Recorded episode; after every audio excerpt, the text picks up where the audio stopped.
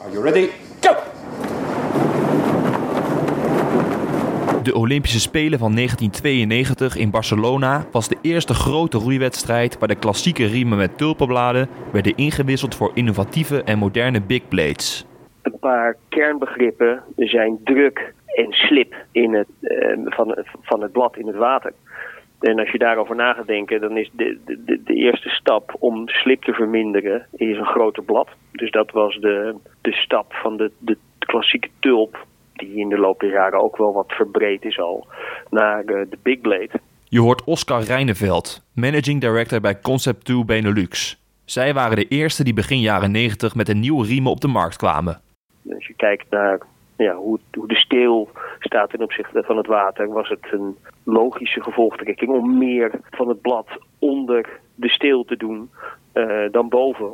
Dus een, een asymmetrische steelinsert te maken, om het zo te zeggen. En nou ja, met alles wat ze daar verder bij hadden getest, uh, kwam uh, de inmiddels bekende Big Blade toen als, als gunstige platform naar buiten. De nieuwe riemen zouden dus door meer druk en minder slip voor een hogere bootsnelheid moeten zorgen.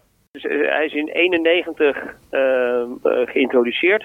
En uh, snelheidsverschil was navenant. 1-2% was er aan winst te behalen. Maar ondanks de snelheidswinst waren de reacties op de innovatie niet meteen enthousiast.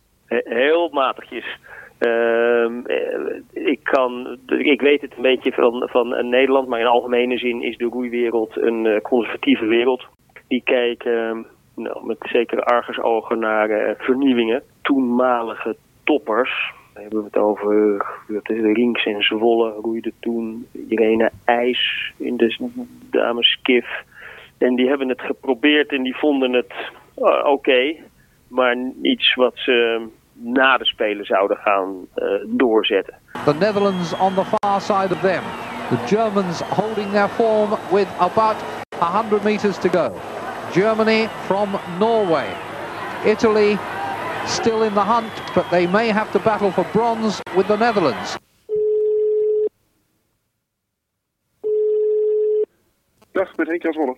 Oudroeier Henk Jan Zwolle won onder andere goud in de dubbel 2 op het WK in Wenen in 1991 en brons op de Olympische Spelen in Barcelona in 1992. Dus we waren aan het voorbereiden op de WK in Wenen. En uh, toen was er eigenlijk nog niet zo heel veel aan de hand. En het jaar daarna kwamen de Big Blades in één keer voor de Olympische Spelen van het Barcelona. En toen moest iedereen in één keer beslissen wat ze zouden gaan doen. Zwolle en ploegenoot Rinks besloten op de Olympische Spelen in 1992 niet met de nieuwe riemen van start te gaan. Nee, dat was een beetje het punt.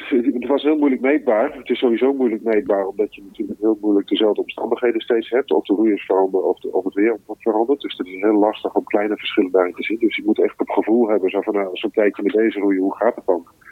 En wij hebben er eigenlijk toen voor gekozen om ja, niet, daar niet onnodig veel tijd aan te besteden. Dus we zeggen, nou, wat we doen, dat doen we goed. En uh, maar onze tegenstanders roeiden wel allemaal met big blades. En die gingen toen wel harder, maar die waren waarschijnlijk met autoriemen wel harder gegaan.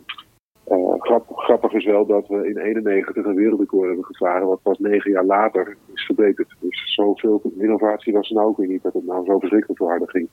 Toch pakte de keuze voor de oude vertrouwde tulpjes niet helemaal goed uit. Wat mij altijd is bijgebleven dat de gedoodverde favoriete Riens en Zwolle in de, in de mannen dubbel 2 toen door twee kleine Australiërs um, voorbij werden geroeid. Die wel met big blades roeiden goed zeggen, een wedstrijd in Duitsland.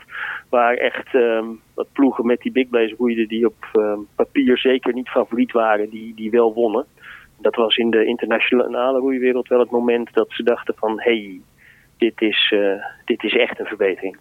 Ondanks veelbelovende cijfers en data wordt innovatie door de roeisport nog niet snel omarmd, vindt Reineveld.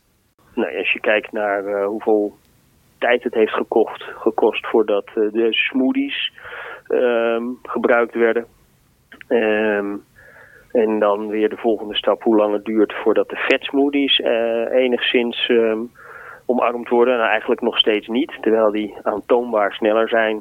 Uh, ik geloof dat ik niet lieg als ik zeg dat er gewoon helemaal geen vast omlijnd testprotocol is om materiaal te beoordelen. Dus het enige, nee, dat was ook zeer marginaal, maar wel leuk, was de junioren WK van 2015 in Rio die ploeg, een Nederlands ploeg die daar won, die heeft um, heel laat, ik geloof twee weken voor het definitieve vertrek naar uh, Rio, hadden ze eindelijk tijd gevonden om een, een testprotocol af te wikkelen. En daarvan waren de cijfers dusdanig dat ze uh, de set met de hand mee hebben genomen in het vliegtuig. Om alsnog met de vet smoothies in Rio te starten met uh, winst als gevolg. Er wordt er maar heel weinig echt op basis van uh, harde data aan materiaal geselecteerd. Het gevoel is anders en dus voor de meeste mensen niet goed. Uh, en, en wat dat betreft blijft roeien een, voor heel veel mensen en ook heel veel coaches een gevoelsport. Nou ja, mijn, mijn, belangrijkste gevoel was dus gecombineerd met die big blades, met die lichte, met die lichte koolstofstokken, zeg maar, dat ze alle kanten op boeien. Dus ik had heel weinig controle over die riemen. Toch draait het bij de ontwikkeling van een nieuw blad niet alleen maar om bootsnelheid.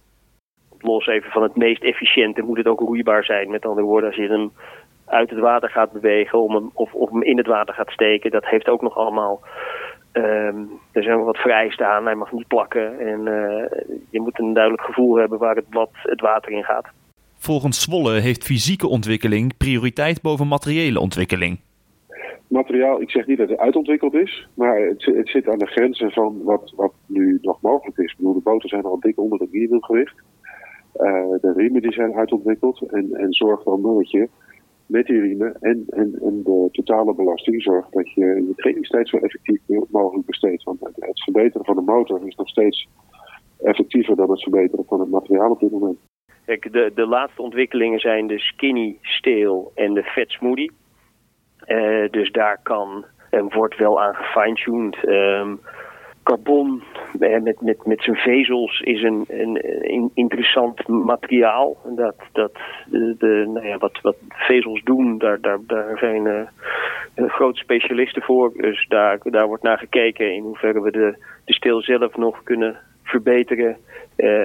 Iets lichter maken, aanpassingen in hoeveelheden materiaal op bepaalde plekken om iets aan te passen in de drukcurves uh, en de sterkte van het materiaal. Uh, ja, op dit moment gebeurt er natuurlijk niks meer van scratch. Uh, zeg nooit nooit, maar het, is altijd een, ja, bijna een evaluatie. Of iets in een, ja, een doorontwikkeling, niet een, niet een revolutie.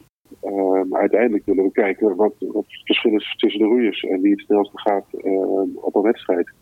En dan kun je wel het materiaal in één keer een boost geven. Je zou ook rolriggers kunnen gaan gebruiken. Uh, maar dat wil niet zeggen dat je plotseling iets anders meet. Je wil meten of de roeiers, wie, wie, de beste roeier is, niet wie de beste boot heeft.